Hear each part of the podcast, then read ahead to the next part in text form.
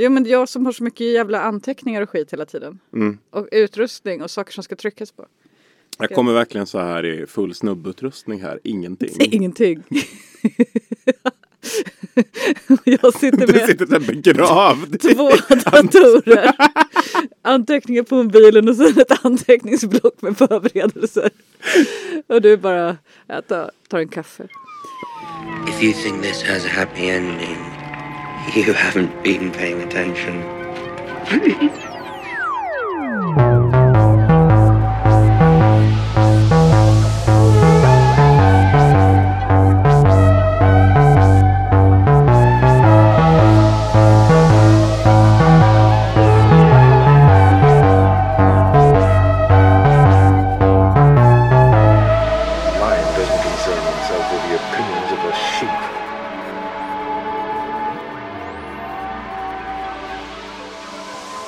Välkommen till Sveriges bästa podcast. Weirwood-podden. Det är helt sjukt. Det är helt sjukt. Jag är så jävla glad. För att eh, det är Svenska Dagbladet som hävdar detta, inte jag. Alltså jag, jag skulle aldrig säga att det här är... Nej, nej. Det får någon annan säga. Men var det en faktisk topplista? Jag har bara sett den där bilden att där det står ett. Ja, sen var det två, tre, fyra, fem. Ett Mm. var nummer ett. Det var, ju, det var ju en femlista. Och varför skrev du på sociala medier att det var en av Sveriges tre bästa poddar? Vad dealen med det? Jag trodde att det bara var tre poddar Ja, som det var, så fem, här. fem på listan. Men så att antingen nummer ett eller också en av Sveriges fem bästa. Hade Ja, men vi är väldigt ödmjuka. ja. ja. Jo men Sveriges bästa podcast. Eh, den här veckan i alla fall. Nästa vecka kan det vara en annan. Så passa på.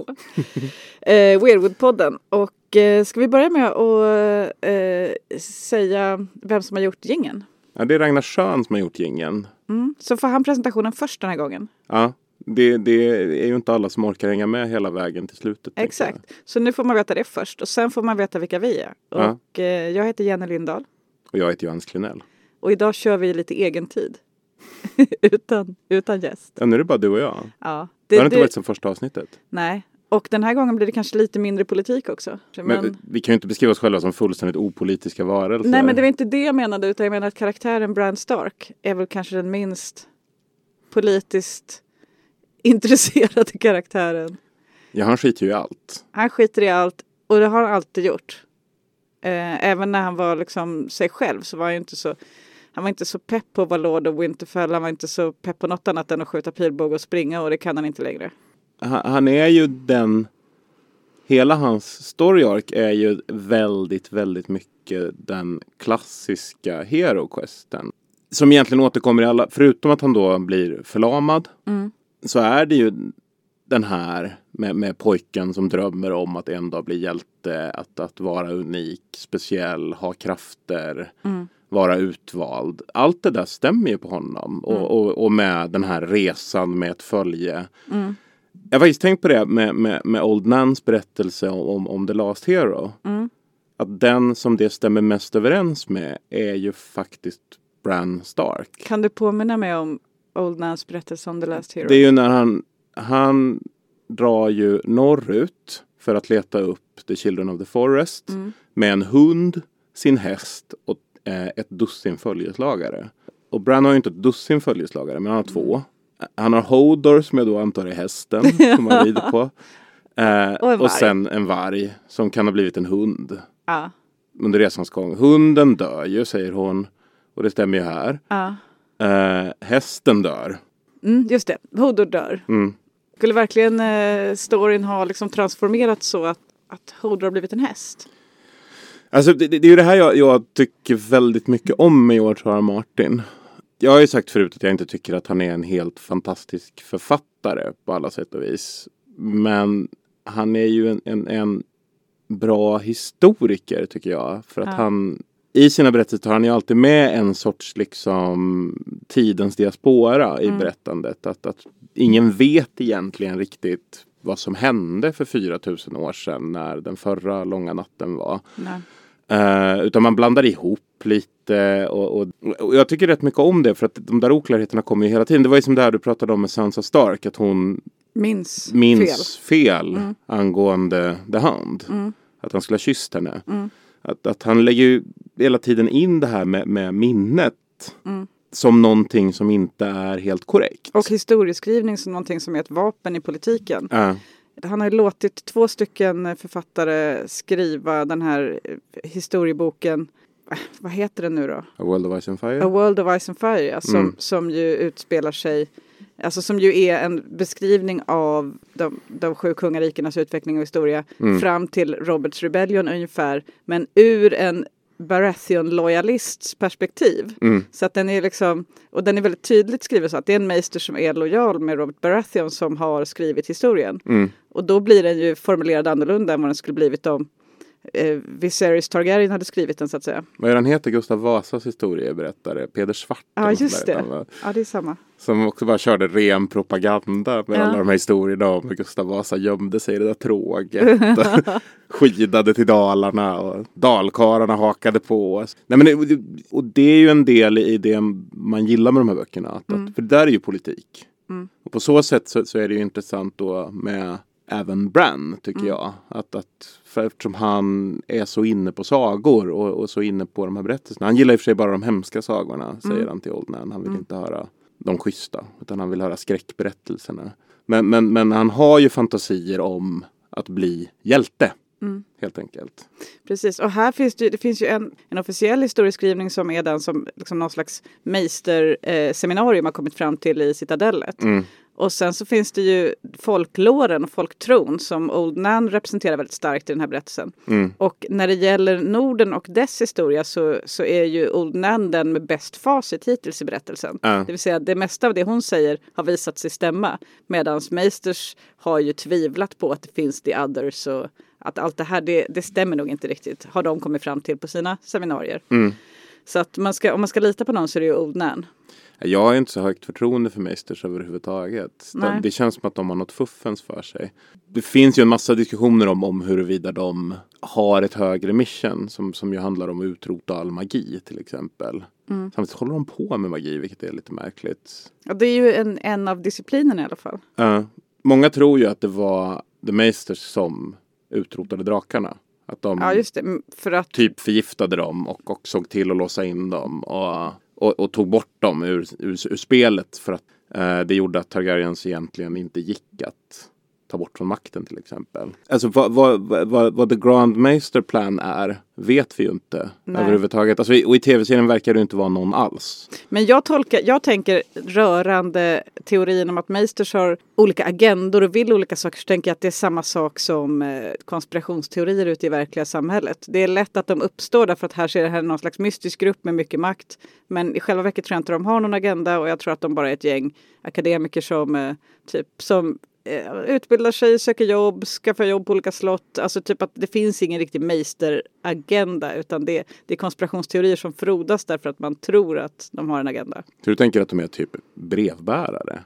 Nej men de är ju bara vanliga, alltså typ det är, de, det är de mest bildade i riket och de är lite olika sinsemellan och det finns ingen särskild konspiration där tänker jag. Så du tänker att det inte finns någon agenda? Jag tänker, de, de sköter till exempel all information. Och, och när en meister dör så poppar det bara upp en ny som skickas från citadellet. Jag noterade faktiskt det när jag tittade på, på de senare avsnitten. Att det helt plötsligt bara dyker upp en meister i Winterfell När Lovin är död. som är ganska okommenterad. Han bara är där och, och skickar en- Ravens och så. Och de lite så här accepterar bara det. Att, att det är så det funkar. Alltså, Men då, därför att de ska vara opartiska och tjäna sitt slott. men det är de ju aldrig. Grandmaster Pycelle är definitivt inte Nej, opartisk. han är verkligen den sämsta jävla meistern av dem alla. Ja. Eh, Som, han säger ju till och med rent ut att jag alltid tjänat huset Lannister väl. Mm. Men eh, Lovin till exempel, han tjänar ju Theon lika väl som han tjänade Starks. Nej. Ja, han är ju ändå nere i kryptan och, och ser att barnen är där och då Absolut. säger han ingenting. Nej, det är klart han inte gör, men jag menar han ger honom goda råd. Mm. Han är en god meister även åt Theon Greyjoy under den tiden, tills han dör. Eh, Men alltså, vi hoppade helt över segmentet med hur vi känner för Bran. Mm. Jag eh, tror att väldigt få har, alltså, vi känner väl som alla andra, det vill säga det är svårt att, svårt att känna speciellt mycket för Bran annat än att man är lite småirriterad. Det är ju problemet med någon som får riktiga superkrafter, Ja. vilket han får, är ju att när du når en viss styrkegrad så blir du ju omöjlig att relatera till för du kan göra vad som helst. Ja. Alltså, ha- han är ju Game of Thrones svar på X-Mens Professor Xavier. Mm. Och jag tror inte någon har Professor Xavier som favoritkaraktär heller. Nej. Trots att han är ganska cool. Så han kan ha astralkropp och utkämpa strider mot andra telepater och sådär. Men han är ju för mäktig och därför blir han ju också väldigt apart. Ja. Ha- Han vet allt. Och hur ska du kunna relatera till det? Och hur, hur ska en sån karaktär ens vara en förstahandsperson egentligen i en berättelse? Alltså det, det blir ju ganska ointressant. Det blir det. Och sen så är det ju också berättartekniskt så är det ju i och med att man har lagt in en karaktär som vet allting, ser allting, minns allting, har hört allting, kan ta reda på vad som helst. Mm. Så, så blir det ju omöjligt. att- I en berättelse så måste det ju finnas saker som karaktärer inte känner till. För att det ska uppstå drama och mystik och sådär. Annars blir det väldigt konstigt om alla vet allting. Eh, och då, då måste de ju också hitta på, det måste ju, det måste ju vara så i berättelsen att att Bran inte drivs av normala mänskliga drivkrafter för att om han gjorde det så skulle han ju berätta en massa saker för en massa människor. Mm. Utan han, de måste ju lägga in en, en karaktärsutveckling och sådana som gör att han blir så där avskärmad som han blir och så där märklig som han blir för att, för att det ska vara möjligt att berätta historien vidare. Annars så skulle det vara hopplöst. Men, men är han inte bara som någon som är väldigt, väldigt skärmberoende?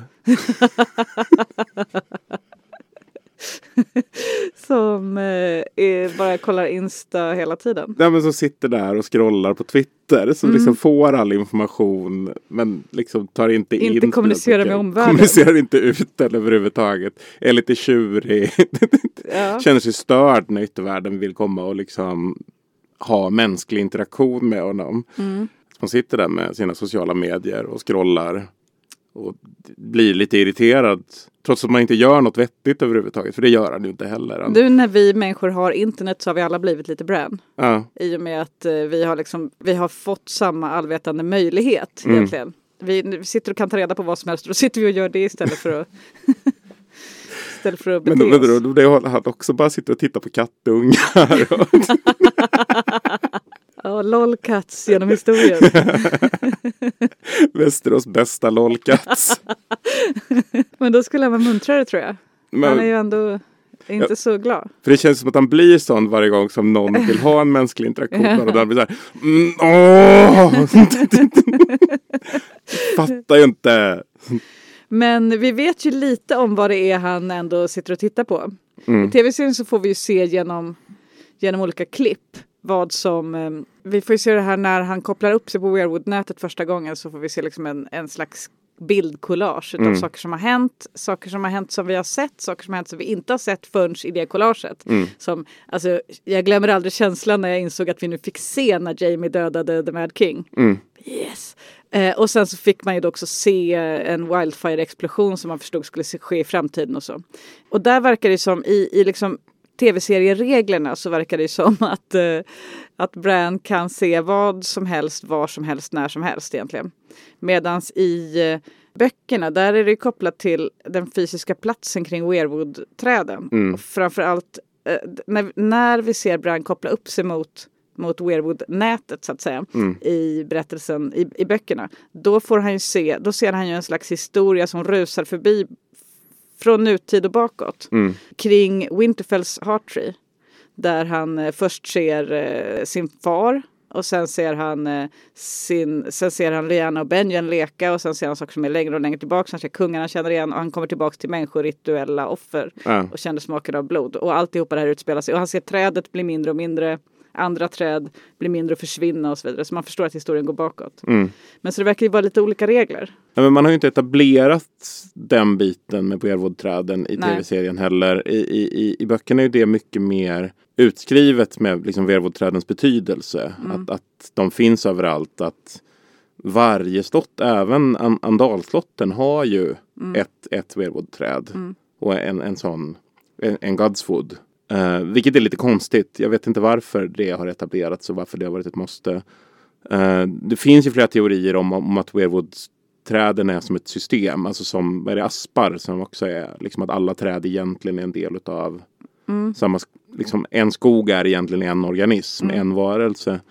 det vet jag inte om du tror på, men, men, men det har ju dykt upp i, i, i väldigt många YouTube-klipp så diskuterar man ju det. Att, att alla weirwood-träd sitter ihop och är en, en Källa, väldigt många YouTube-klipp. Ja, vad vill du ha för andra källor när det kommer till Game of Thrones? ja, eh, Jo, det har forskats på det här sättet. nej men boken, boken, det är bokens ord som gäller. Och i vissa fall kompletteringar i tv-serien. Mm. Men eh, ja, det är källan. Det står ju ingenting om det i boken.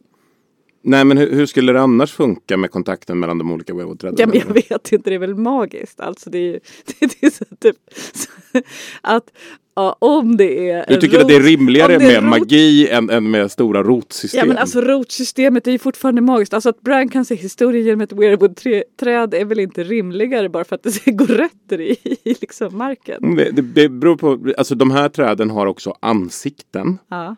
Och, och från början var det, alltså, Som ändrar sig. Ja, och de ändrar sig. Det finns väl någon, någon sorts liksom antydan om att de ändrar sig efter den som senast har varit inne i trädet. Ja. För att är det är det inte Theon som typ ser Brans Theon ansikte? Ser, ser att weirwood-trädet plötsligt ser ut som Bran. Mm. Och det sammanfaller ju med att Bran har sett bröllopet på Winterfell. Ja. Så att eh, det verkar stämma. För, rätta mig om jag har fel nu, men i början, alltså i, tidigt i böckerna, Mm. antyds det inte då att det är Children of the Forest som har karvat in de här ansiktena? Det är mycket, jag har försökt, jag har försökt läsa på om weirwood-trädsystemet. Mm. Men det är ju som, som du säger, det är jättemycket spekulationer. Men det är väldigt lite som faktiskt står i böckerna. Ja. Eh, som, eh, så att, så att det är mycket, folk har ju spånat loss. På ett sätt som är lite svårt att veta om de har. Jo, men samtidigt så, så pratar ju du om att boosta Weirwood-systemet med kungsblod. Ja. Hur skulle det systemet funka annars på någon sorts astralnivå? Ja. Jag tror inte det. Han känner smaken av blod från ett offer 10 000 år tillbaka i tiden på Winterfell när han har sin vision i, under trädet i. Eh, Men det är väl ändå liksom att det går genom tid är väl lika konstigt som Genom rötter? Ja, eller som genom astral. Ja, men du kan, kan ju fortfarande känna förnimmelser och, och, och, och minnen. Finns för övrigt, apropå det, teorier om att Robin Arrens han, han höjer röster. Ja. Och att de kommer från Weirwood-trätronen som de har uppe i Dire. För Dire har ju ingen Godswood för att det är uppe Ah. på, på ett berg. Men de har en tron gjord utav, utav Weirwood-trä. Eh, och att det, det är liksom döda och liksom så. Att han, han faktiskt har en viss telepatisk förmåga. Det är Bran som har gjort Robin Arryn galen. lite tur. Precis som han har gjort The Mad King galen och precis som han, han ligger bakom allt djävulskap i hela Westeros. Han är, han är Westeros svar på buspojken Dennis. Men han ligger ju faktiskt bakom en hel del djävulskap. Ja. Om man bara ska börja på det som faktiskt händer. Mm. Så är det ju rätt, om vi går tillbaks till hans hero quest här. Mm. Så alltså han har ju, Jamie knuffar ut honom genom ett fönster. Mm. Han ligger i koma. Han vaknar, han kan inte gå. Under tiden han har sovit så har han då drömt massa myskodrömmar. Mm. Om en treögd korp i böckerna. Eh, eh, korp i tv-serien Kråka i böckerna. Mm. Som säger åt honom massa saker. Till exempel då att han ska kunna flyga. Mm. Eh, och när han vaknar då har han en väldigt stark känsla av att det här kan bli verklighet. Mm. Om han typ hittar den här kråkan. För det, som också sagt åt honom att komma dit tror jag. Rent, och, och visat honom Weirwood-trädet. Ja. Så att han vet vart han ska på ett ungefär. Eh, och då tror han att han ska få tillbaka förmågan att gå. Alltså Bran är ju bara ett barn. Mm. Eh, han vaknar, ha, hans familj är borta, han är lord, lord av Winterfell, han måste ta hand om massa styre och sånt Och han är där. skitdålig på det. Han är det är han som Han- ger Ramsay Bolton, den här änkan. Ja, ja. För att han tycker att det är en Lady jättebra Hornwood. lösning. Problemet, och Ramsay låser in henne i ett torn Så att hon där hon äter upp äter delar av upp sig själv. sina fingrar. Det här är ju någonting som det går mycket skitsnack om i Norden sen. Ja. Eh, ja, det är Brans fel. Mm. Så han börjar ju redan där med att fucka upp. Men han tycker att han är så smart. Han sitter ju där och, och känner Ja. sig som kung Salomon själv. Ja. Åh, vad jag har löst det här bra nu. Och bredvid sitter Rickon och är skitjobbig och typ eh, är ett, en besvärlig unge som Bran sitter och hatar också på. Mm. det, det är en, eh, men han är ju en rätt besvärlig unge får man ju ändå säga. Ja. Men, men med det adderade att det inte är någon mamma där som till. Men så då, då tänker Bran då efter att eh, Theon har tagit över Winterfell, de har gömt sig i krypten och så vidare, så tänker Bran nu när vi ändå måste fly. Då drar vi till, eh, då drar vi till det här, den här kråkan från drömmarna. Mm. Och eftersom hans följeslagare då är ju Mira Reed Mm. och Jojen Reed. Vad har vi på Mira och Jojen? De är ju barn till Howard. How- Howland Reed. Howland. Howard. Howland Reed. Ja. Som reste med Eddard Stark ner till The Tower of Joy för att rädda hans syster. Och följaktligen vittne till. Vad som hände där. Så han är den enda som idag lever, eller idag, men, men sen, senare in i berättelsen är han ju den enda levande personen som kan vittna om vad som hände där. Eller den här barnmorskan finns ju, måste ju finnas någonstans också nere hos Danes. Men, men, men henne skiter ju alla i för att hon är ju bara någon sorts common folk då. Mm. Men Howland var ju även med vid The Tourney of Harrenhal. Exakt. Där allting började. Där Liana deltog i turneringen förklädd till en Mystery Night. Och, tror vi. tror vi. Kan också ha varit Howland själv eftersom Ja. han tillhör det här äckliga lilla folkslaget som bor i The ett träsk. Cranogmen. The Cranogmen som är små, bor i träsk och har ett flytande slott som ingen kan hitta. Mm. Yeah right. Ja.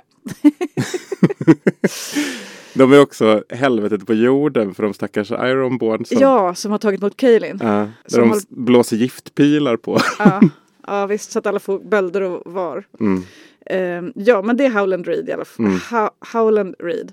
Som är pappa till Jojen och Mira. Mm. Och Jojen och Mira beger sig till Winterfell för att hälsa på Lord Stark, det vill säga Bran. Mm. Och de är alltså med och gömmer sig i kryptorna och de flyr sen tillsammans med Orsa som är eh, ja, Viktigt att komma ihåg här också. Innan de kommer till Winterfell så träffar Bran Jojen i sina drömmar.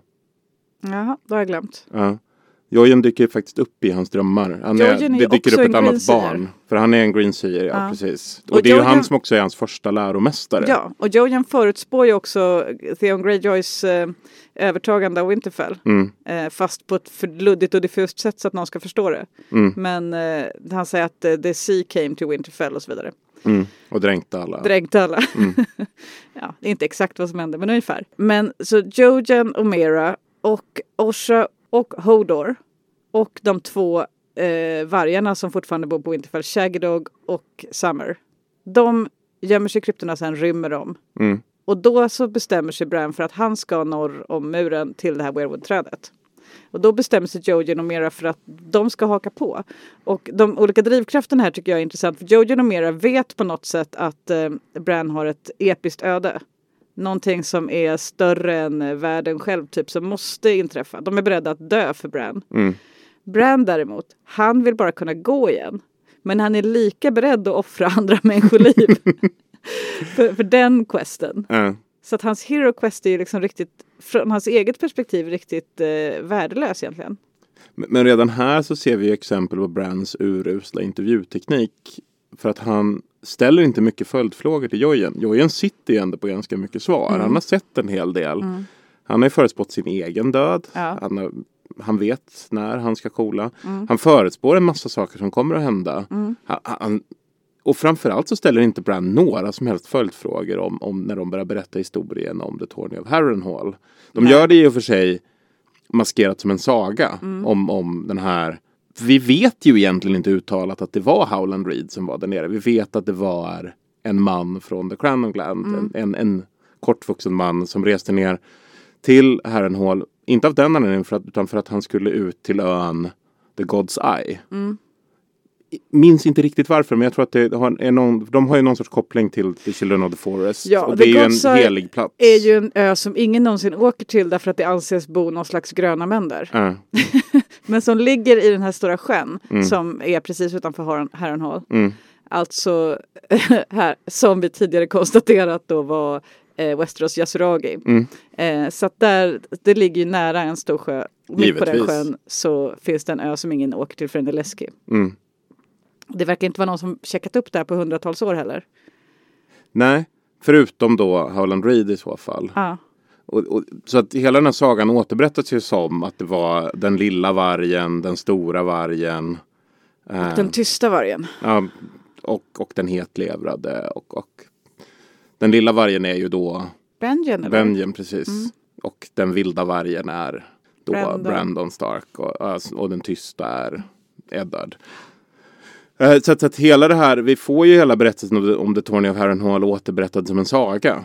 Mm. Men inte uttalat med namn eller så. Men man, man kan ju tycka här att det borde vara en av de gångerna där Bran fattar att ja, men det här handlar ju om min familj. Mm. Det här kan ha något att göra med. Allt som pågår just Ja. nu. Det, det, här, det, det kan finnas något här. Ja.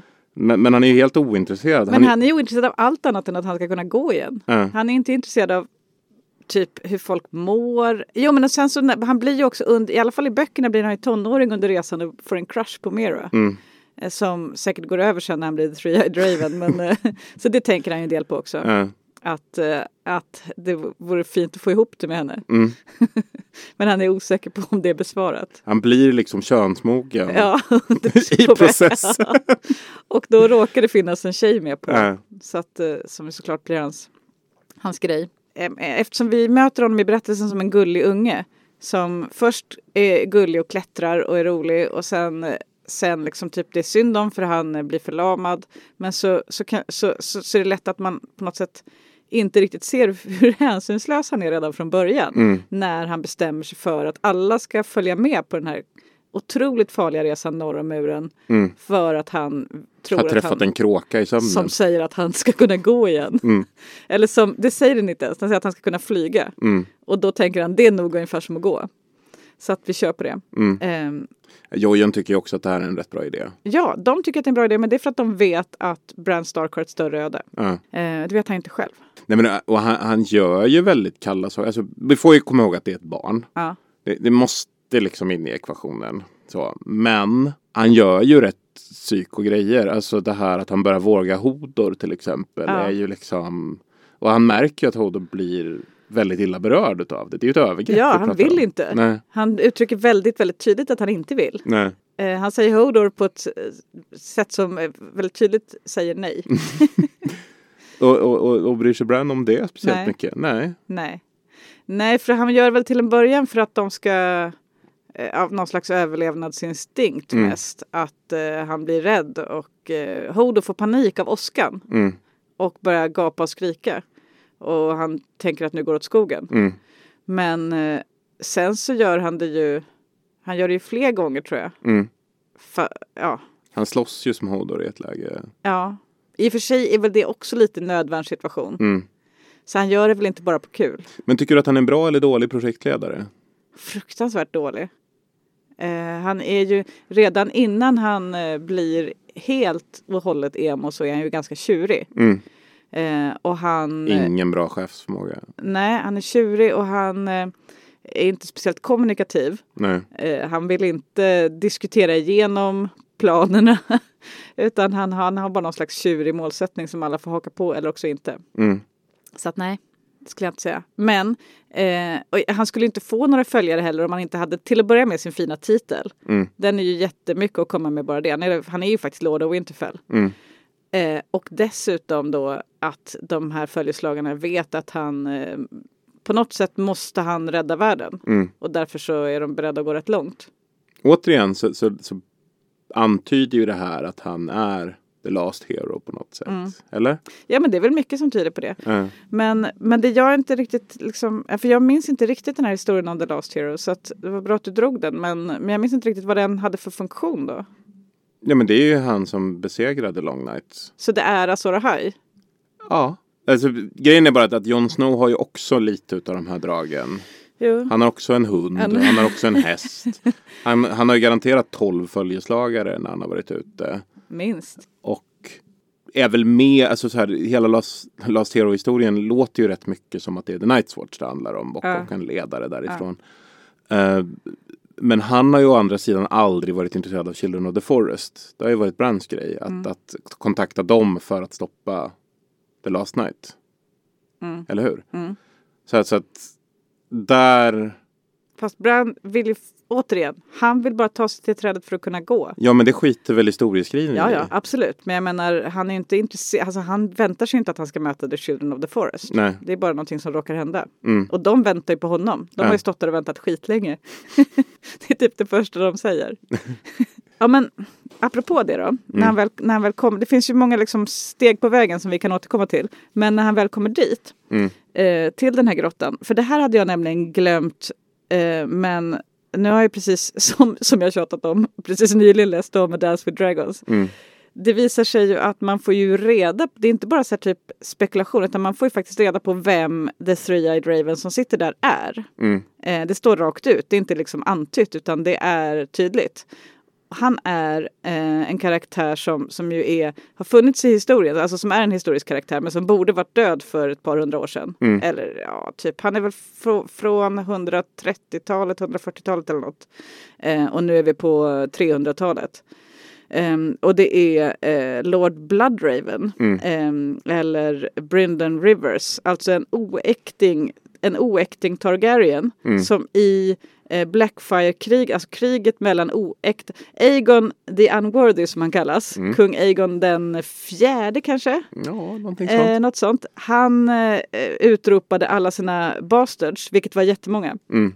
till äkta Targaryens, Mm. vilket skapade kaos i riket. Han gav även bort sitt svärd, sitt ancestral valyriska svärd Ja. till en oäkting. Mm, Svärdet Blackfire. precis. Vilket innebar att den oäktingen ansåg sig ha rätt till tronen. För han var inte tronarving å andra sidan. Nej. Eftersom han inte var en Targaryen. Och då blev det krig mellan äkta Targaryens och bastard Targaryens då, Mm. eh, legaliserade. Och i de krigen så var ju eh, eh, eh, Bloodraven på eh, äkta han var ju en bastard själv men han Mm. var på, på äkta Targaryens sidan. Mm. Eh, han blev senare Hand of the King va? Ja. Eh, och han, men han var också, alltså han var ju känd, i hela, känd och fruktad i hela riket. Jag har också precis läst om eh, eh, den här berättelsen som handlar om Duncan the Tall och eh, ehm, E- Egg and Dunk, eller Duncan Egg storiesarna som de kallas, en Mm. serie noveller eh, som utspelar sig på den här tiden. Men det är under tiden som han är Hand of the King och då möter man på honom i riket då och då, eh, Mm. The Blood Raven. Han är fruktad av alla. Eh, alla vet att han har, han har bara ett öga men han har tusen ögon. Det vill säga han vet allt som pågår. Han kan magi och liksom typ ingen muckar med Blood Raven. Den, typ, den eh, läbbigaste typen som, som finns. Alla är rädda för honom. Men han är, han är inte liksom ond, uttalat ondskefull men han är ändå väldigt, väldigt läskig. Och sen så är han också En mästerlig bågskytt. en, ja, och han, är, han har ett väldigt slående utseende. Han är albino, eh, har ett rött öga eh, och det andra ögat har han inte alls då. Och sen har han ett födelsemärke som är typ vinfärgat, Mm. rödvinsfärgat, eh, jättestort i facet och och också han, han är ju en, typ, han är en, ändå en ganska stilig person trots, trots allt detta. Eh, så, att, så att han då drar runt eh, och sen så blir han så småningom Lord Commander of the Night's Watch. Mm. Ehm, Han blir ju skickad dit på grund av att han mördar en Blackfire. Som, som, ska, bli, som ska försonas med Targaryenätten Mm. och förmodligen ta över tronen också. Det, allting håller på att lösa sig. Alltså, Blackfire, så- hela den historien är ju skitintressant eftersom Mm. det är det som förutsätter liksom hela The Golden Company egentligen i böckerna. Mm. Precis, de kommer tillbaks. Ja, Det oäkta Targaryen-gänget, det är de som Euron Greyjoy har varit och hämtat på andra sidan havet. ja, Ska bli spännande. ja. Men det kommer ju, så kommer det inte vara i tv-serien. Men, Kanske, men, vem vet? Nej, jag tror inte det. Men, men det, det är ändå... Så, och då blir ju alla väldigt besvikna i alla fall på Bryndon Rivers. Ja. För att han mördar den här vackra, liksom potentiella liksom... Jag för mig att det är, att, att det, det är ganska tunt på Targaryen-sidan just då. Mm. Med vettiga ledare. Och han är liksom en, en shining knight mer eller mindre. Ja. Och väldigt ung och så. Och, och rider in där och då sätter Bryndon Rivers en liten pil i honom helt enkelt. Och, och han tycker att han har gjort liksom bara sin, vad han ska. Han Mm. hatar ju Blackfires. Det har han gjort ända liksom sen de här, De ska dö. sen, sen liksom drakdansen satte igång mer Mm. eller mindre. Då blir han skickad till muren helt enkelt. Mm. Och sen drar han iväg då till, med sitt, eh, som han fortfarande har, sitt svärd. Mm. Eh, Dark Sister. Dark Sister. Och eh, drar iväg och blir någonstans då The Three-Eyed Raven. Mm.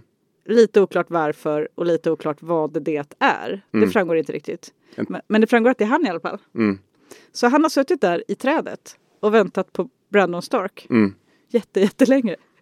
För det är vad han säger att han har gjort också. Ja, Någon måste sitta där och vänta på Brandon. men det fanns ju sånt när, när det där dök upp. Ja, Det var ju innan tv-serien som hade passerat böckerna. Så var man ju så här, är det här vad som kommer hända med Bran nu? Att han kommer liksom växa ihop Han med ett träd. där För det är det som har hänt med Brynden Rivers här. I, i böckerna så är det, eller i tv-serien så är det ju lite vänligare att han bara sitter där. Ja, Men, men, men i, i, i böckerna så är det ju liksom då är han helt ihopväxt. Ja, det är helt ihopväxt. Det växer ut en svamp genom ögonhålan. Jag tror att det går en, en kvist till och med genom huvudet på honom. Det är. Han är så jävla sunkig. Mm. Ja, Bran oroar sig väl, om inte jag minns fel, för att det där ska hända honom också. Ja. Men det skulle väl vara väldigt överraskande. jag tror till och med han säger att det inte kommer bli så till Bran. Här i alla fall, är en av dem som offras på vägen. Ska vi dra alla som, alla som offras för Brans fortlevnad? Mm. Ja, till att börja med egentligen, man ska väl egentligen börja med Rickon och Orsa då. Mm. Som eh, Drar åt ett annat håll. drar åt ett annat håll för att, som en avledande manöver. Ja. De drar ju till Skagos i andra sidan. Ja. Det coolaste stället i hela Där Västerås. det finns eventuellt eh, köttätande enhörningar. Och människoätande människor. Det är liksom, det är bara fest där. Ja. Så det, ja, det kan man verkligen hoppas på att vi får veta mer om i eh, böckerna. För Mm. det, de hoppade ju över det segmentet i tv-serien. Men så att de är väl första offret. Eh, Men sen är det Jojen då. Det vet vi inte. I böckerna så lever han ju fortfarande när de kommer till grottan. Mm. Det är i tv-serien som han dör. Men han, eh, nej, ah, han är ju döende och sen så Han blir ju sjuk och svagare och svagare i böckerna. och Det kommer det, dö. Det vet man ju. Det säger han själv. Ja. Ja. Och han vet ju Men han det. kan ju också bara vara en väldigt stor drama queen. Men han vet ju En man cold. Och han kommer dö. Jag kommer att dö. Jag har sett min egen död. Det är ett bra trick. För här har vi då också en teori om för att för att bli The Three-Eyed Raven Mm. då, måste, då måste Bran äta en slags eh, paste. Mm.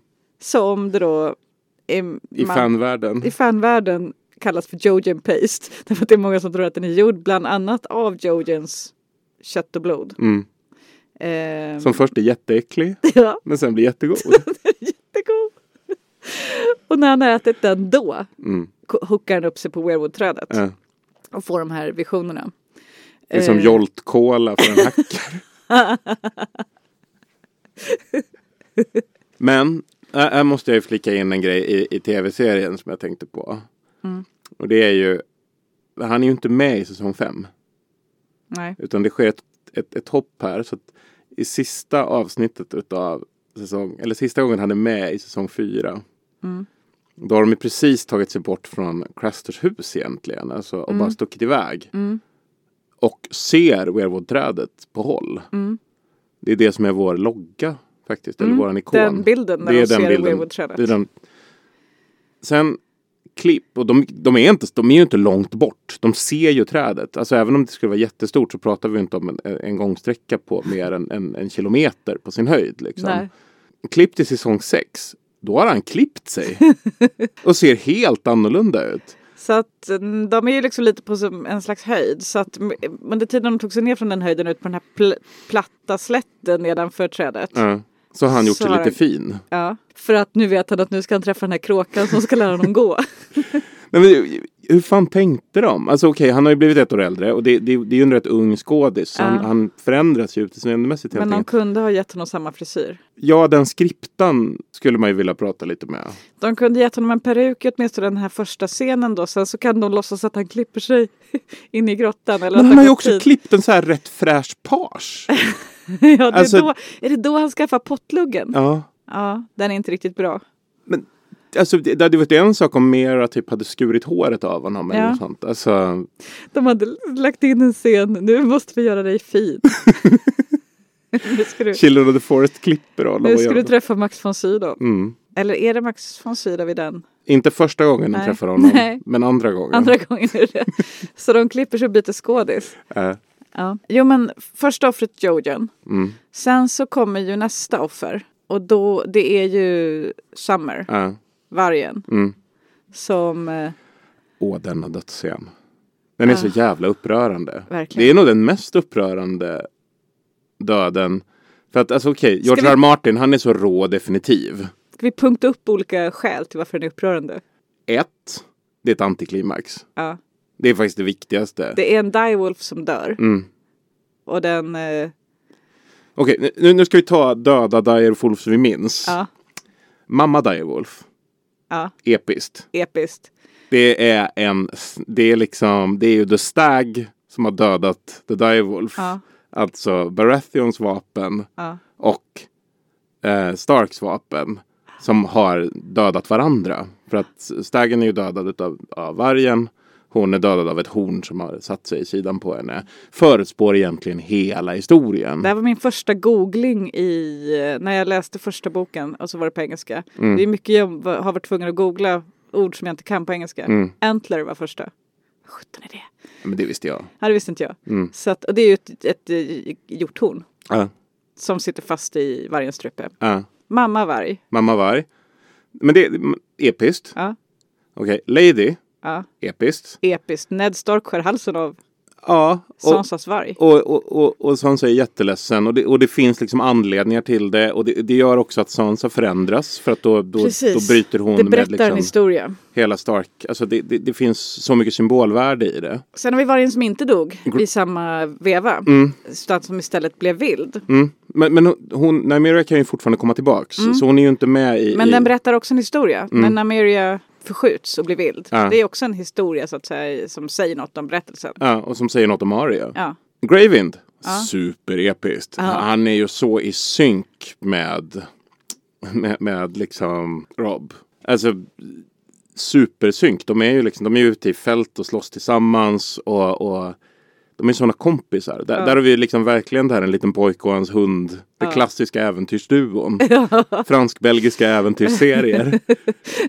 Tintin och Milou. Rob Fast- och Greywind. Det är, och, och, och just det här då att, att när Rob dödas under The Red Wedding så hugger de huvudet av honom och sätter Gravinds huvud på hans kropp. Syr fast det. Syr fast det. Och paraderar runt kroppen. Superbra Direwolf död. Mm. Faktiskt. Det- är enda gången jag verkligen så här var ledsen på riktigt. Alltså jag, jag var ju chockad under Red Wedding, absolut. Mm. Men det var verkligen så att jag tyckte att det var hemskt. Mm. Just det här, det här hånfulla approachen. Mm. Det finns även liksom teckningar på nätet, alltså målningar av det här. Jag tycker det är så jävla hemskt att kolla på dem bara. Faktiskt, för att det, det, är så, det är bara ren förnedring. Jag ser framför mig hur du sitter hemma och googlar, googlar dessa bilder och skakar av ångest. Ja, men det finns det och, och, och när Quentin Martell dör har jag Ja. också försökt. Ja. Men det finns inte så många bilder på det. Bra Direwolf dödar. Ja. Alltihop liksom. Det är liksom. Ja, men men det är liksom. Det där har man ju verkligen jobbat med det. Det finns så mycket symbolik. Summer Vänta, Shaggy Dog, också episk död i tv-serien. i tv-serien. Ja. De slänger fram hans huvud hela tiden på slagfältet. och sen doppar de det i saltlake för att det ska hålla sig. Men det är ju ändå, ja, det är ändå, det säger också något om berättelsen. Ja. Och hur dör Summer? Eh, Påminn oss. Summer dör ju lite som om en så här om du kastar en boll och en, hopp, en hund hoppar rätt in i en glasvägg. Det är liksom, Först har Summer gjort hjältedåd genom berättelsen. Mm. Har räddat dem många gånger. ja. Och nu? Han hoppar in i en hög med odöda zombies. Man hör ett Och sen är han borta.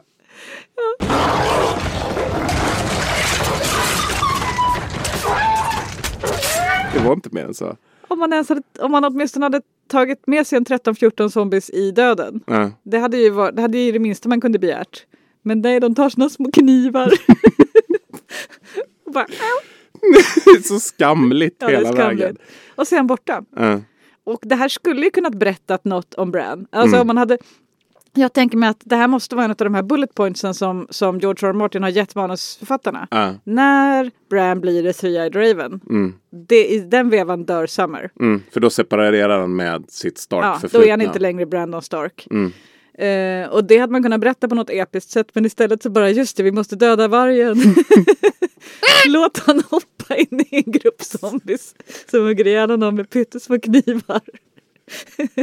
Varför har Medan de bara han pyttesmå knivar? Ja men det har de ju inte bara. De har ju massor med vapen men i den här scenen har de bara pyttesmå. som jag minns det i alla fall men jag kanske har förbättrat på den i huvudet. Nej men Brandon är också en sån jävla klåpare här. Ja. Alltså hela den här Ja. grejen är så dum. Va? Här är han och ska kolla på en härlig scen i Winterfell. Mm. Medan Mera står och skriker åt honom att komma tillbaka.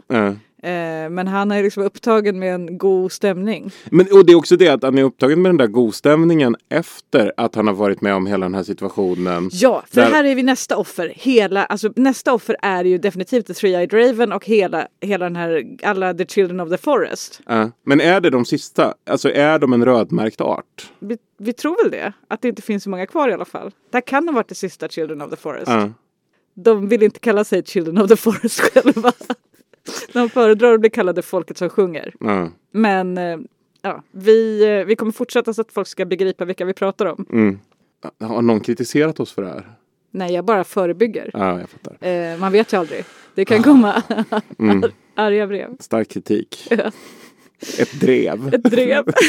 De, det är så respektlöst. Ja. I alla fall, åter till det här. Men det, det, det är liksom... Jag inser att det här, vi kommer få arga brev för att det här kommer uppfattas som hånfullt mot ursprungsbefolkningar. Dumt. Ja. men, eh, han är ju som en jävla kolonialherre. Han är verkligen En otroligt. kolonialherre som är skärmberoende uppenbarligen. För att Ja. vad som händer här är ju att han vandrar ut bland zombiesarna i sin liksom så här drömtillvaro då. Ja. De öppnar upp för honom. Han går rakt igenom zombiearmén fram till The Night King. smart. Smart. De ser mig nog inte. Nej. De har ju bara berättat en väg för mig. Men det, Ja. de har nog inte en aning om De att det lilla jag kommer här. Och The Night King greppar honom. Då kan man ju tycka att det är så här, det är dags att vakna nu. Ja, men det gör Och inte. väcka den här kompisen här borta. Så att vi får lite ordning på den här situationen. Det finns bra grejer på hans Netflix. Kolla på. Ett avsnitt till tänker han. Bara ett till. Bara ett till. Innan jag går och lägger mig. Men, eh, jo men för sen säger väl Max von Sydow eller eh, Blood Raven eller The Three-Eyed Raven att han vaknar väl ändå strax efter innan alltihopa brakar loss. Mm. För då så kommer de ju och så säger, så säger Bran något, så säger ju han någonting om att nu kan de. Mm. Nu när han har tagit i dig, för han tittar på det här Ja. märket. Och som Brian försöker ljuga om också. Han bara, "Vad, tog han i det? Nej. Jävla ja, så att eh, ja, men han är alltid villig att riskera allas liv. Urusel projektledare. Och sen när de då ska fly och han är på väg ut, istället för att då liksom vakna och varga in i Hodors huvud, Mm. så gör han det igen från dåtiden. Ja. Och det? orsakar, han får, han får väl lite panik där. Han står ju och tittar på den här mysiga scenen. Mm. Och sen så hör han Mera skrika genom historien på något vis. Mm. Eh, att, hon, att han ska varga in i Hodor. Mm. För att Hodor har ju paniken i grottan och bara gör ingenting. Mm. Och Mira behöver ju hjälp att bära ut Bran och allt. Mm. Och slåss mot zombies. Så att hon står och skriker att han ska varga in i Hodor. Mm. Och då gör han det i dåtiden Ja, istället. jo. Jag tror inte att han tänker att han ska göra det. Ja men han panikar. Han panikar. Han bara Mm. okej. Och sen så blir det sådär. Och då så, så vargar han in i Hodor i både nutid, eller, i nutiden så att säga. Mm. Ja Fast- och det är Miras Hold the Door. Som Ja. Hodor har. Ja, precis. Hon skriker hold the door eh, och han gör det. Det här är så jobbigt. Mm. Eh, jag jag, jag så, brukar ju se alla avsnitt många gånger på varandra. Eh, direkt, först direkt när de kommer och sen igen och sen igen. Mm. Det här avsnittet, efter att ha sett det här avsnittet så var jag liksom så, jag var så chockad av sorg över, över att det, eh, över att det, över Hodos öde så att jag kunde inte se det igen. Och allt är Brands fel. Allt är Brans fel. Så det är Mm. nästa offer. Ja, men sen är det väl inte fler som har dött för Brans hand egentligen. Nej, för sen får han ju hjälp av Uncle Benjen. Ja. Som tar honom ända till Weirwood-trädet i närheten av muren. Men inte längre. Nej. Så att Mera måste ta en gran. som hon antagligen har huggit ner med sitt svärd. Typ från en yxa tror jag. De har ju det där svärdet med sig som de plockar Ja. inne i kryptan. Som med lite tur kan Dark vara Sister. Dark Sister. Ja. Hoppas det är Dark Sister. Men Mera har ju stuckit. Hon Vart är är ju lite av en Dark Sister också. Det skulle passa bra. Hon kommer inte tillbaks. Alltså det är ju, ska vi prata om, äh, vänta först vill jag bara säga, jag Mm. tycker att Benjamin borde ha gett Bran hästen, alternativt låtit Bran låna hästen en liten stund. Eh, så att de kunde ta sig till muren så att Mera hade sluppit släpa honom på en gran. Hade det inte varit ännu bättre om det hade varit som i böckerna? Att Benjen red runt på en älg. Jo, det hade varit ännu Och hade bättre. lånat ut sin älg till Bran. Fatta vad episkt när de kommer ridandes på en älg, älg. fram till porten. Ska liksom The Night's Watch blåsa en gång eller två gånger då? Oklart. Eller tre. Det kommer en älg. Det kommer en älg med en unge på. Ja, nej men sen eh, scenen när Mera drar. Mm. Vad säger vi om den? Ska jag spela upp den? Mm. Det här är väl peak hatar Bran ändå. What's that? Maester Welkin built it for me, so I can move around more easily. It's a very good idea. You're leaving. I don't want to leave you. But when when they come, I need to be with my family. You're safe. You're as safe as anyone can be now. You don't need me anymore. No, I don't. That's all you forgot to say. Thank you Thank you. for helping me. My brother died for you. Hodor and Summer died for you. I almost died for you. Bran, I'm not really. not anymore. Det är sorgligt egentligen va? I remember what it felt like to be Brandon Stark. But I remember so much else now. Hade det här gjorts på 90-talet så hade det sett som lite sexigt tror jag. Har du, har du kört den här när du har dumpat någon någon gång? Nej. Så, nej. Eh, men, men jag tänker att, att hade det här varit Brenda och Dylan Ja. i Beverly Hills så hade alla, då hade liksom alla tjejers hjärtan bara exploderat. Om Dylan hade bara I'm not really. really, not anymore. Not anymore. Han har varit med om grejer. Ja. Och man ser att han har en sån dark and troubled past. Men Bran har ju inte det. Utan det är hon som har burit honom Hon hela är, vägen. det är hon som har en dark and troubled past. Ja. Och han är bara en privilegierad unge som har blivit omkring kringburen av andra. Ja. Och numera är allsmäktig. Mm. Och ändå den här attityden. Han är så jävla dålig. Det hade vi inte kostat på så jättemycket att bara säga lite mer än thank you. Som han säger då på begäran Ja. dessutom. Nej men det, det, det är ju liksom. Det här är en av de värsta 15-åring gör slut-scener jag har sett. Ja. Men, men jag tänker också, jag tänkte faktiskt på det när, när, vi, när vi kollade på den innan. Att det här är ett sånt uppenbart tecken på att Mira inte kommer tillbaks. Är det? V- vad ska hon komma tillbaks till? Ja, men, Han är ju dum i huvudet. ja, ja, alltså, men hon, Don't go there girl! Hon, hon åker hem därför att han är dum i huvudet och för att hon måste vara med sin familj. Men hon Mm. kommer dit och så träffar hon sin pappa och så berättar hon allt som har hänt och så säger pappan så här, jag tror det är bäst vi drar till Winterfell, tror du inte? För, för att dels för att pappan har en del att bidra med. Mm. Men nu, nu är det en viktig distinktionsfråga här nu. Bok kontra tv-serie. Mm. Ja. Har de ens berättat historien om The Tourney of Harrenhal i tv-serien? Har de, alltså, är är det etablerat att Howland Reed var med där nere, att det är deras pappa i tv-serien? Nej, det tror jag inte.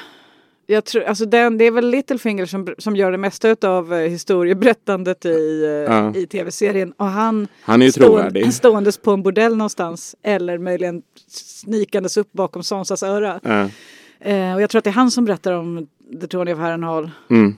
Eh, huvudsakligen i tv-serien om inte jag minns fel. Ja. Och han berättar ju ingenting om Howland Reed. Nej, så, så när, när Howland Reed, Reed dyker upp för tv-tittare som inte har läst böckerna. Det, här, det här är rätt komplicerat för här kan jag blanda ihop saker. Ja. Fattar de då ens vem den här killen som hugger Arthur Dane i Alltså ryggen jag är? tror inte ens att det nämns vem det är. Nej. Jo, jo, Bran säger det till uh, Svea Draven. Mm. För att han har hört storyn tusen gånger. Mm. Eh, fast han eh, visste inte att det var Howland Reed som dödade Arthur Dane med ett hugg i ryggen. Nej. Men eh, han har hört storyn så han säger that's Howland Reed. Just det. Det här pratar de inte så mycket om heller sen. Bran och Mira. I alla fall inte i, som vi får höra. Bran, Jag såg din farsa. Det måste han ju ändå ha berättat för dem. Han högg Arthur Dane i ryggen. Ja. Hon får verkligen bara dåliga nyheter. Ja, det var, det var ju den här bilden när hon släpper Bran på en gran. Den Mm. var ju en sån här feminist-meme ett tag. Alltså typ som att man kunde identifiera sig med att så här ser samhället ut. eh, men hon är verkligen en sån karaktär som inte har någon annan roll än att bära en snubbe. Korrekt. Och fysiskt bära honom till och med. Ja. Inte Nej, men, bara- och allting annat bara dör omkring dem. Ja, På grund av honom. och hon kämpar på. Ja. Och sen får hon ett thank you. en vanlig fanteori. Bran är alla Bran i historien.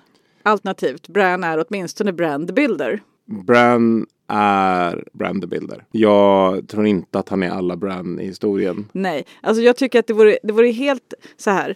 Om Bran går in och lever en tusentals liv genom sin Weirwood-grej och liksom är massor med olika karaktärer i historien.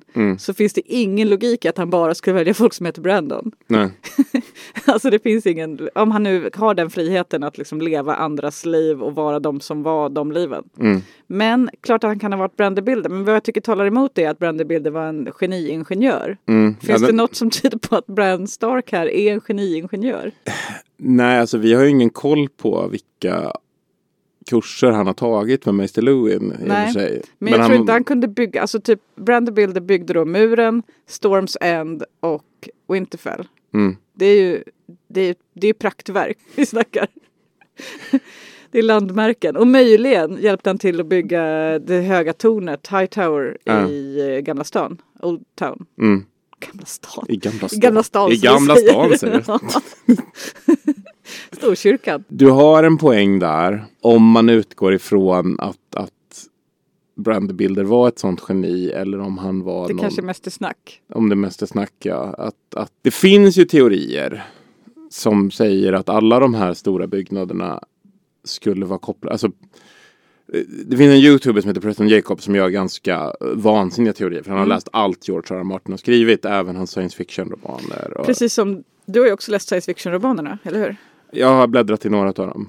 Eh, och, och det finns återkommande teman där som dyker upp i, i, i, i de här böckerna, skulle jag säga. Absolut. Men, men Preston Jacobs pekar på rätt många av dem.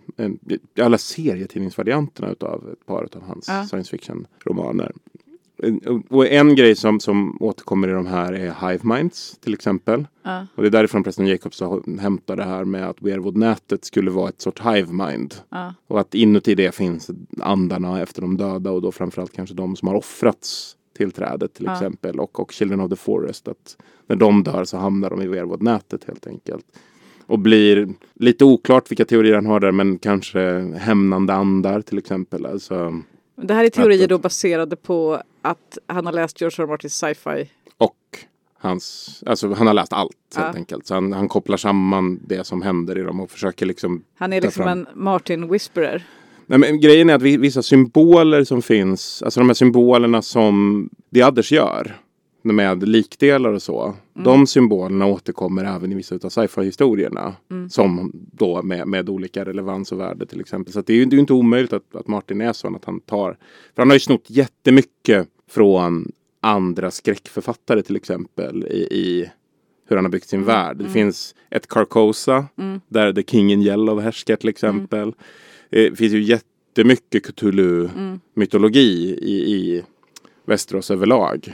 Eh, he, hela Ironborn-samhället är ju egentligen bara ett liksom, liksom Dagon-kult. Kanske inte mycket. ba- bara men ja. Ja men det finns de här Absolut. fiskfolken och liksom, Ja. alltså, som Jag lever tycker under bara du tog vattnet. i lite. Nej jag tycker inte jag tar i så Det fruktansvärt är också ett mycket. vanligt vikingafolk. Ja det också. Men eh, Lovecraft i alla fall. Ja, det är ganska mycket Lovecraft. Eh, så att det vore inte jättekonstigt om man tog från sina egna Nej. tidigare berättelser heller. Men den här Preston Jacobs teori är ju att A Song of Ice and Fire inte är fantasy utan science fiction. Att det är ett, ett efter katastrofen-samhälle. Och att då alltså de här långa vintrarna och det skulle ha att göra med att det har varit ett kärnvapenkrig till exempel. Och, och att de här liksom fantastiska, för att det går ju inte ihop att The First Men skulle ha byggt helt otroliga arkitekturiska, alltså arkitektoniska byggnader. Ta- ta- Tar du Storms End till exempel så ser man inte fogarna där det är murat. Nej. För att det är så perfekt murat. Men det är för att Brandebilder var ett geni. Just det. I Winterfell så har de glasträdgårdar som värms upp av varma källor. Alltså så här teknik som är långt före tekniken som man har ens idag i Västerås. Som alltså skulle ha skapats av ett bronsålderssamhälle. Och samma sak med muren då som de skulle ha Ja. byggt. Men för att Brandebilder var ett geni. Är ju förklaringen i. Ja, förklaringen att Brandebilder var ett geni. Men, men, men den här Preston Jacobs teori då är att, att det här är byggnader som står kvar och att under alla de här byggnaderna, precis som i Winterfell, så finns det kryptor och där nere har man levt under jorden. Och det är det som också förklarar då varför blod är så viktigt och Ja. blodsmagi. Och varför vissa blodslinjer har olika magiska förmågor. Ja, precis, för att de är inavlats. Och då skulle då Children of the Forest vara ett, en sorts mutanter av människor som har varit kvar ovan jord till exempel.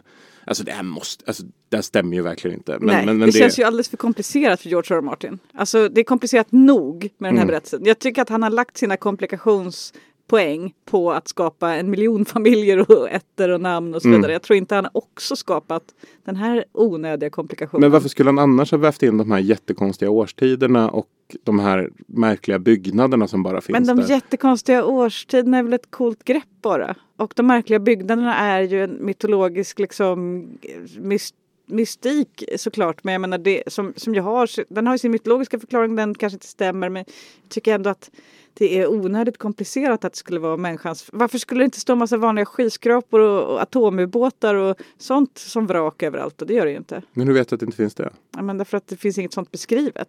Miljön beskrivs ju. Ja, i och för sig. Och, och i, i, I en värld som är en av de mest Jag tror att fantasilösa om, om, om Jamie någonsin. Lannister är ute och rider Mm. och ser ett En vrak efter en, en, en, en gammal skeva. Ja. Då skulle han på något sätt reflektera över det. Nej, det skulle han ju inte. Jo, inte. Jamie. Jamie skulle inte reflektera över det. Han skulle notera att den stod där och sen rida vidare när han tänkt hur bra den är som strategisk punkt i ett fältslag. Ja, men det är reflektionen då. Ja, Han skulle ändå ha noterat den. Alltså alla skulle ju notera en, eh, en rostig skeva. en rostig skeva. Mm. Eller hur? En Toyota Yaris. Ja, Ja, det är ju en hybridbil det där. Konstigt. Den teknologin har vi ju inte än. Det måste vara brandbilder. Han byggde en Toyota Yaris. Okej, men Preston Jacobs, han drar de här teorierna. Men vad, vad är poängen alltså? Nej, poängen är väl bara att försöka förklara varför folk beter sig så jävla märkligt och varför alla de här alltså, konstiga Alltså var, var all den här diasporan kommer ifrån. Ja. Alltså, för det, det, det hänger ju inte ihop. Nej. Och det är framförallt just Storms End, muren Ja. Och, Winterfell som är väldigt konstiga. Avancerade byggnadsverk. Extremt avancerade byggnadsverk. Och det, men, men det är också så här, alltså, George är ju jävligt märklig på det där sättet. För det finns ju typ valyriskt stål innan Valyrien. Det finns, det finns ett valyriskt svärd som heter Sorrow. Som finns i The Ire. Men den kanske döpte om Som till är- Valyrisk stål när Valyrien kom. Som är liksom från, för det, det är The First Men som har haft med sig det. Alltså innan valyrierna började träna drakar. Mm. Ja men det är väl inte så konstigt. Att det finns ett annat. Ja men det kan ju ha funnits innan och sen så har liksom eh, Valyrierna varumärkestag. Ungefär som att italiensk vindhund Mm. inte är från Italien. Men den var väldigt populär under renässansen i Italien så då började folk kalla den för italiensk vindhund. Så kan det ju vara med valyriskt stål. Att det varit väldigt populärt bland valyrierna. Att Traffern inte är från Tyskland. För den heter German Shepherd menar du? Exakt. Är den inte? Vart är den ifrån? Mm. Den är säkert från Den är Tyskland. säkert från Tyskland. Apropå Winterfell och apropå hundar och vargar och så vidare. Mm. Så tycker jag en, en väldigt, en, bland alla spekulationer, en spekulation är ju att Bran, Bran ser Winterfell brinna i böckerna genom Summers, hans vargs ögon. Mm. För han, är, han håller hela tiden på, vad heter det, hamnskiftar in i eh, Summer. Eh, för han tycker också att Summer har ett mycket roligare liv. Mm. Springer, jagar, eh, dödar djur eh, och sånt där. Eh, luktar på grejer. Och då tycker Bran det är härligare eftersom han själv inte kan gå. Eftersom han befinner sig nere i kryptorna. Under tiden som Theon alltså har tagit Winterfell. Ehm, så befinner sig ju alla där och gömmer sig. Och när, när Winterfell brinner så ser vargen det. Eh, och jag tycker att det är väldigt fint beskrivet. Jag, jag älskar de här delarna när, för det är ganska många delar som, som George R. R. Martin har skrivit ur Summers perspektiv, alltså när man får en, en vargs tolkning av världen. Och då skriver han bland annat så här eh, hur, hur Summers ser, den heta vinden slog emot honom och doft av blod och bränt kött var så starkt att han började dregla. Men samtidigt som en lukt lockade honom avskräcktes han av en annan. Han nosade i den rökiga luften. Men, många män, många hästar och eld, eld, eld. Ingen lukt var farligare, inte ens den hårda kalla lukten av järn som människorna använde som päls och istället för klor. Röken och askan sved i ögonen och på himlen såg han en stor bevingad orm som vrålade och sprutade eld. Han visade tänderna men i nästa stund var ormen försvunnen. Det här har ju folk tagit som intäkt över att det finns en drake begravd under Winterfell som på något sätt då kommer lös när, eh, när eh, Winterfell bränns. Folk ser drakar och falska Targaryens precis överallt. Verkligen. Också då så har ju George R. Martin skrivit en bok som heter Isdraken, en barnbok. Mm. Som är jättegullig och fin. Men eh, som då där i den, i, där, då finns det då att en drake kan vara en fryst sjö kan vara en drake. Alltså, Eller, Den skulle smälta i så fall. ja tvärtom, precis det är orimligt. Eller att den på något sätt skulle kommit slös. Men varför Men- skulle det finnas en drake nere? Alltså, Okej, så här är det. Det här går inte. För att en av de väsentliga delarna i varför drakarna till slut var små som kattungar Mm. eh, bland Targaryens i Kings Landing var ju för att de var instängda. Så att en drake som är inställad i, i, Winterfells kryptor i flera tusen år typ, eller hundra år, Skulle ju vara skitliten. den skulle inte växt bra. Den skulle inte växt bra alls. Den Om- skulle inte vara en jättestor orm som sprutade eld på himlen som Summer ser. Den, den skulle vara lite eh, skev och klen. Den skulle vara ganska skev och klen. Det, det är lite, lite som Eustace är när han är drake i, i Prins Caspian och Skeppet Gryningen. Ja, prins Caspian. Eller Kung Caspian och Skeppet Gryningen. Alltså det är... älskar Caspian. Det är eh, den sortens drake. En rätt gnölig historia Ja. som inte tillför så mycket. Alltså vad ska vi med en drake till? Jag vet inte. Jag kan inte heller komma på något direkt. Den, den, den, skulle, alltså, den, den skulle vara i vägen för, för hela storyn skulle jag säga. Det, det, det, vem ska... Nej. Nej, det är ingen drake. Vi avskriver draken. Mm. Ingen drake. Vi avskriver att Bran är alla Bran i historien men kanske att han var Brandybilder. Det finns ju någon bild som, jag vet inte om det är fanart eller om det är officiell, där Brandy Bilder just sitter på att han blir buren på en, en, en plattform eller något sånt där. Har jag för mig. Ja. Eh, Den är... l- Vadå en bild? Det finns en teckning som, på nätet. Det finns teckning på nätet. Ja men sitter, sitter inte du och bildgooglar? Jo, Alltid. jo, jo, absolut. Men jag menar bara... Men jag, får vad- mig att det är den när de bygger muren eller något sånt där. Ja. Där, han- han sitter ner. Ja. Och att man har tagit det som en intäkt för att det men alltså att vara någon har ritat en teckning på nätet är ju inget bevis för någonting. Det beror på om det är officiella bilder eller inte. Ja, ja, det, jo, jo, absolut, Mm. det kan det vara. Eh, du menar så ja. Och någon har Har George R. Martin godkänt någon har ritat en teckning och då måste det vara så. Men okej, nästa grej då. Som, för det finns ju, okej, jag känner att det här blir vårt sämsta avsnitt. Eh, för, för, för en casual tv-tittare så blir det här vårt sämsta avsnitt någonsin eftersom vi, vi, vi bara håller på med olika konstiga bokteorier. Mm. Men nästa här är ju, för i böckerna så, så det här är väl med i tv-serien också förresten. Det finns, eller nej kanske inte. I böckerna så finns det en eh, story om The Night King. Mm. Det vill säga en annan, den trettonde commandern av The Night's Watch. Mm. Det vill säga i The Age of Heroes. Mm. Som blir kär i en som på utseendet liknar The Others. Alltså en kvinna som har hud vit som månen och ögon blåa som stjärnor eller sånt där. Och blod och vis. Ja, blod och vis. Som han ger sin själ och sin säd. Säd.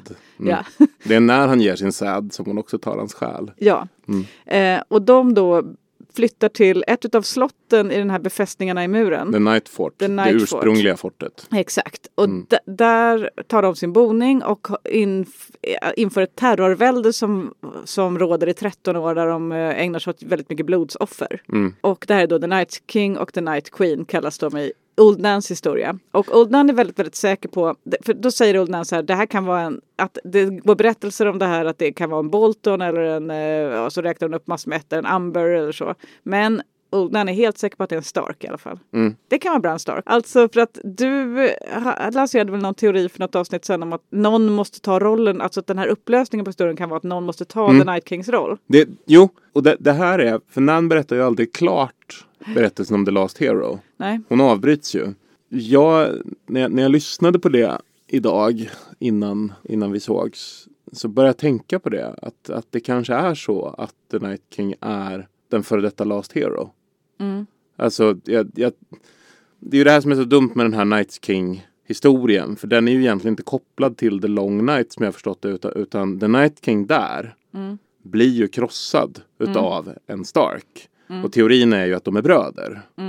Precis, för det är vad Old Nan säger. Mm. Old Nan säger att det här var brorsan till eh, The King of Winter, det vill säga den Stark som härskade i Winterfell. Eh, så att det är ju olika historier. För vi vet ju hur The Night King i tv-serien har blivit till. Ja, På världens sämsta sätt. eh, att man tar... Stencirkel och en bit dragonglass in i bröstet så är det fixat sen. Det är som att man kör in en CD-ROM i honom. Alltså, ja. Men jag föreställer mig att det inte hade funkat så om... Eh, det var roligt om man hade gett sin säd till, till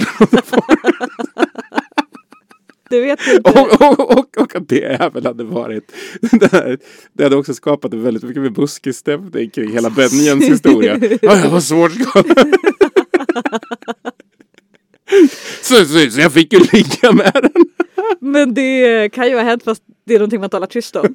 Alltså att nämner Ja, inte det var den barntillåtna versionen de visade för Bran. Ja men de tycker väl att, ja eller så tycker de bara att det här är hemskt pinsamt. Eh. I Det är som det här gamla dataspelet Larry, det här extremt sexistiska spelet där man skulle gå runt och ligga med olika personer. Och då skulle man innan så här göra ett ålderstest, det var ett sånt porrspel.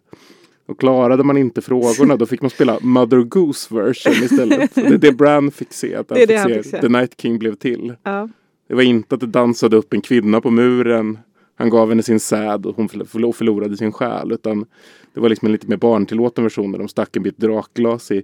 Det är så här, den kvällen kramades Bamse och Brummelisa extra länge version. Det här är vad HBO är kända för. Ja. Att göra den barntillåtna versionen av saker. Eh, Men eh, jag tror i alla fall inte att, att det, alltså om, om du och jag skulle ta, eller okej nu är inte vi i den här historien, men om vem som helst random person, om, om typ säg eh, Sansa Stark skulle ta en bit obsidian och trycka i bröstet på, eh, vad heter det, Lord Umber, Mm. så tror inte jag han skulle bli The Night King. Utan det krävdes en viss magi, alltså typ att det inte själva den handlingen i sig som gjorde det, utan det var en slags Fast det var ju så klimax en- Benjen beskrev det. Jo, men det var en klimax på en magisk ritual som The Children of the Forest behärskar genom sina sånger och mm, grejer och tecken och stenar som de har ställt. Mm. Tänker jag. Men det, Benjen har ju faktiskt varit med om det här. Ja.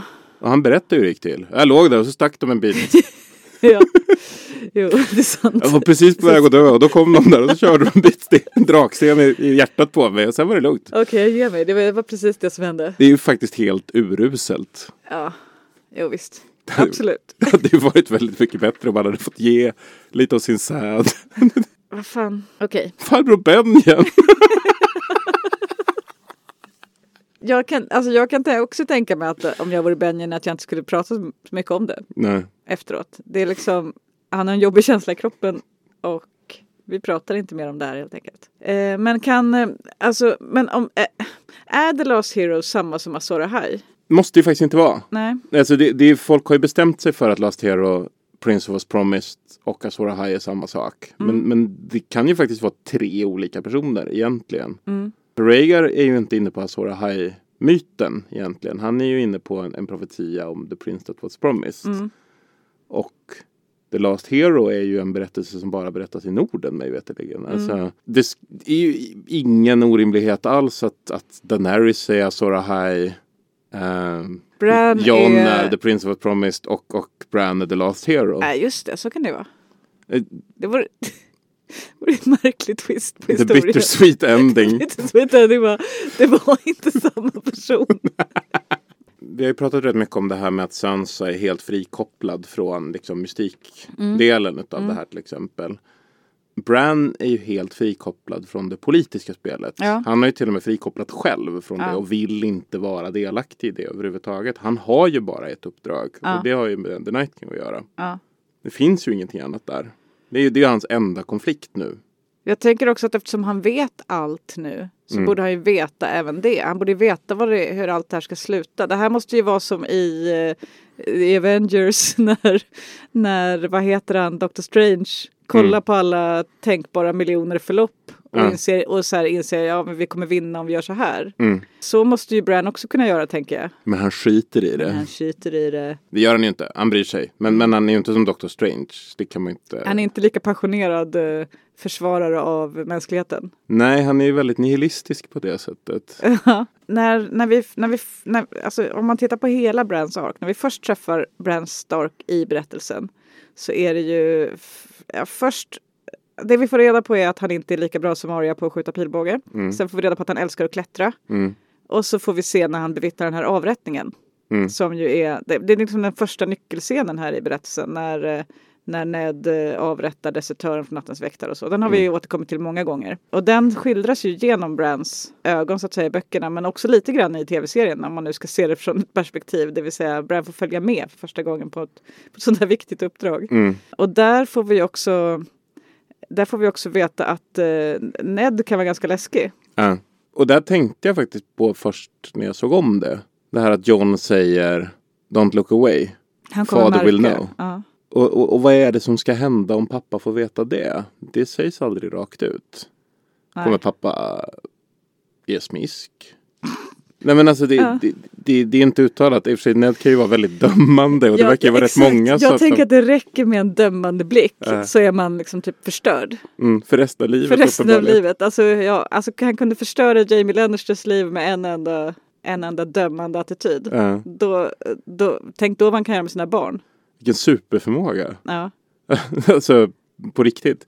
Nej men alltså det, för det, det, det ligger ju ett latent hot i luften på något sätt. ja, Och, och, och jag tänker på ett plan så är det så också att de här barnen förväntas ju vara väldigt högpresterade. ja. Han är ju lite av en tiopappa. På det Verkligen. sättet. Han, han gillar ju när barnen är på topp. Ja. Oavsett vad de är topp på topp på. Men, men de ska ju alltid acea. Ja, Så att han, han tycker ju det är lite pinsamt att Bran är så dålig på att skjuta pilbåge. ja. Trots att Bran har ju, har ju väldigt starka andra kvaliteter. Han är ju extremt bra på att klättra. ja Till men det är exempel. ingen eh, sport riktigt i Westeros. Framförallt inte i Norden verkar det som.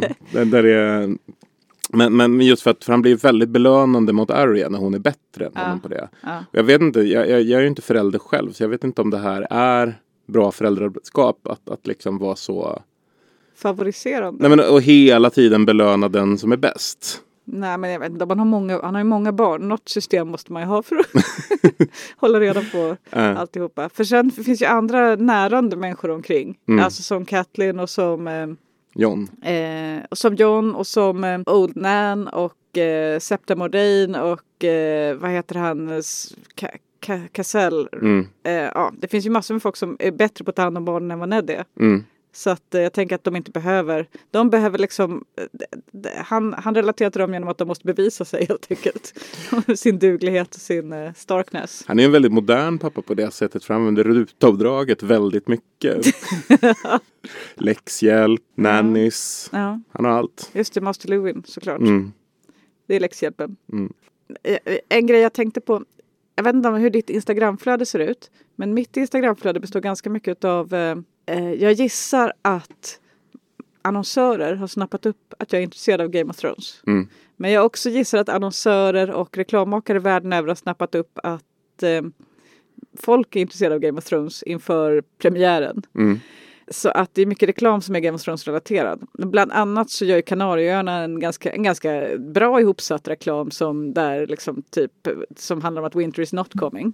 Den är ganska fyndig. Mm. Och eh, att man hellre ska vara på Kanarieöarna än i Westeros då. Det vill ju alla. Mm. Eh, sen så såg jag också en helt värdelös reklam som eh, något finansföretag hade räknat ut vem som var rikast i Westeros. Mm. Men de hade ju räknat helt åt skogen. Mm. De hade alltså som rikast räknat Tywin Lannister. Som ett är död, Mm. så uppenbarligen inte. Rikast i Västerås, Ja, det är järnbanken. det är järnbanken. Mm. Definitivt, i och för sig Essos, men ändå rikast i världen. Mm. Järnbanken, utan tvekan. Om man ska ta, alltså rikast i Westeros är väl allmänt ansett att det är Tyrell-ätten. Eh. Förutom att, att Lannisters har rykte om sig vara rikast. Men eh, Lannisters själva vet ju om att de inte är det. Och vi tittare vet ju om att de inte är det. Eftersom guldet är slut. Men Mm. det håller de ju tyst om. Men hur som helst. Eh, jag tänker i alla fall det är lite så här man känner att, ha, att hålla på och podda om Game of Thrones. Det känns ju lite som att man håller på med någon slags PR-trick för att lura in folk. Till att titta på tv-serien eller? Nej, till att, till att lyssna på någon podcast man gör. Men så, det är lite tvärtom egentligen, som det här kom till. Det är ingen som vill lyssna på mig prata om Game of Thrones, tänkte jag. Så att vi måste göra en podcast. så att man har någon slags legitimitet åt att sitta och älta det här i timmar. Men sen inser jag att det är ju tvärtom det funkar. Folk vill verkligen höra och prata om Game of Thrones. Ja, jag, jag, jag tycker det där är intressant för att det är ju uppenbarligen ett knep. För det, det finns ju ganska många sådana YouTube-kanaler som heter typ What Culture och så. Mm. De har ju jättemycket teorier om Game of Thrones. Och jag, jag tänker ibland att det här är ju inte människor som har hela hjärtat med sig i det här. Utan, utan att det är för att de vet att de får klick på det. Alltså Mm. det är så de här större YouTube-kanalerna funkar överlag. Att, att är inte folk intresserade. Jag vet till exempel att Walking Dead har nästan alla YouTubers slutat med nu. Mm. För det är ingen som bryr sig. Nej, Folk gillar inte Walking Dead på det sättet längre. Det nej. gjorde man de första säsongerna. Det var till och med New Rockstars tror jag sa det rakt ut att de hade lagt ner att ha mer fan-teorier om, om Walking Dead. Men Game of Thrones kör man på for- fortfarande med och stenhårt för det är världens största tv-serie. Så det är inte så konstigt.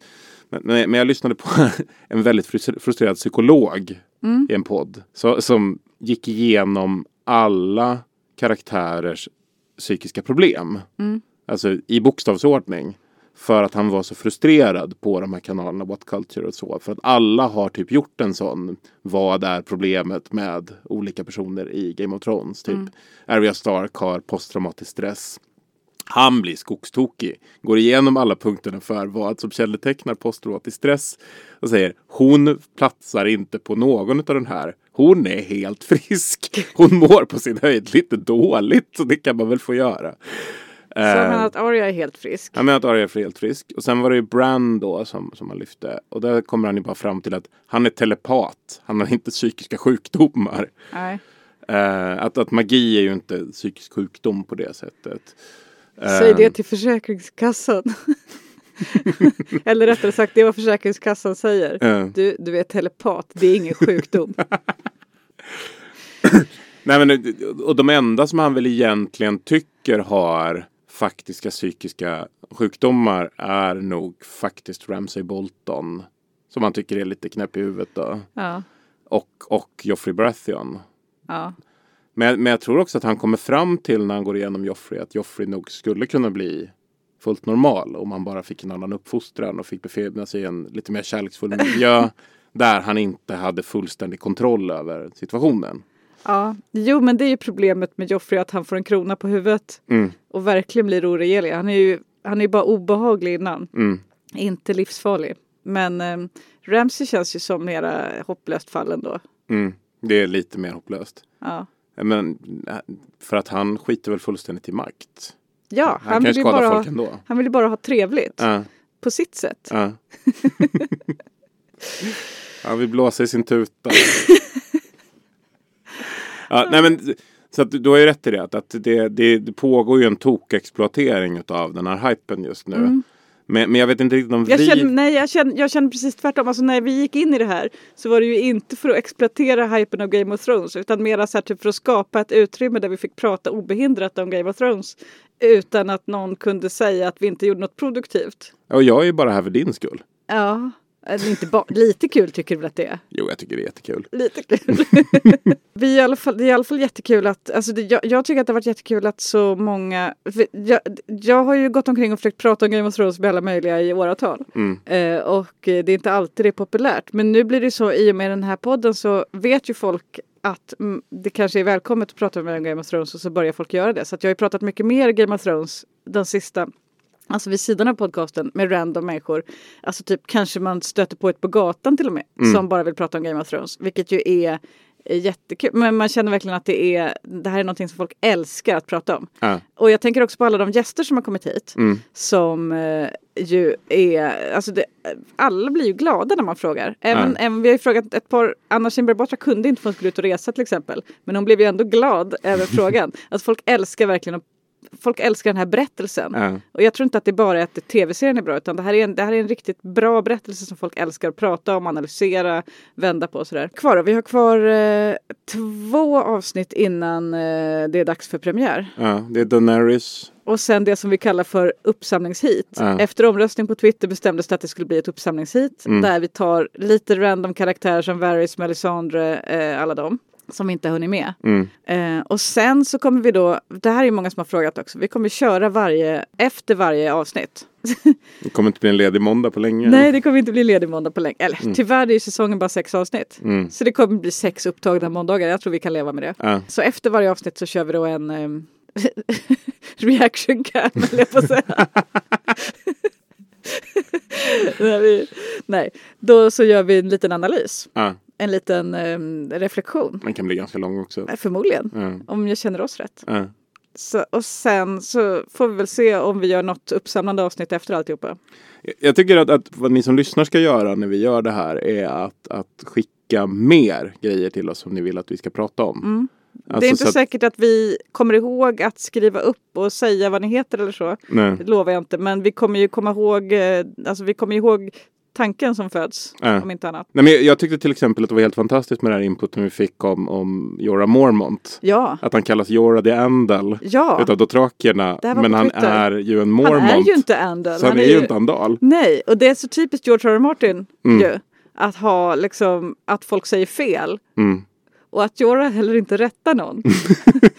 Man kan tänka sig att han har gått runt i Essos ett tag och liksom fått höra det här och sen bara tröttnat. Mm. Ja, ja, låt dem tro att jag är Andal. Men tror du att det fanns stunder i början där han var så här Nej, nej, nej, Ja. inte Andal. Jag tillhör det första folket Ja. First Men som kom lite innan. Vi var ett bronsåldersfolk som sedan bekämpades utav andalerna.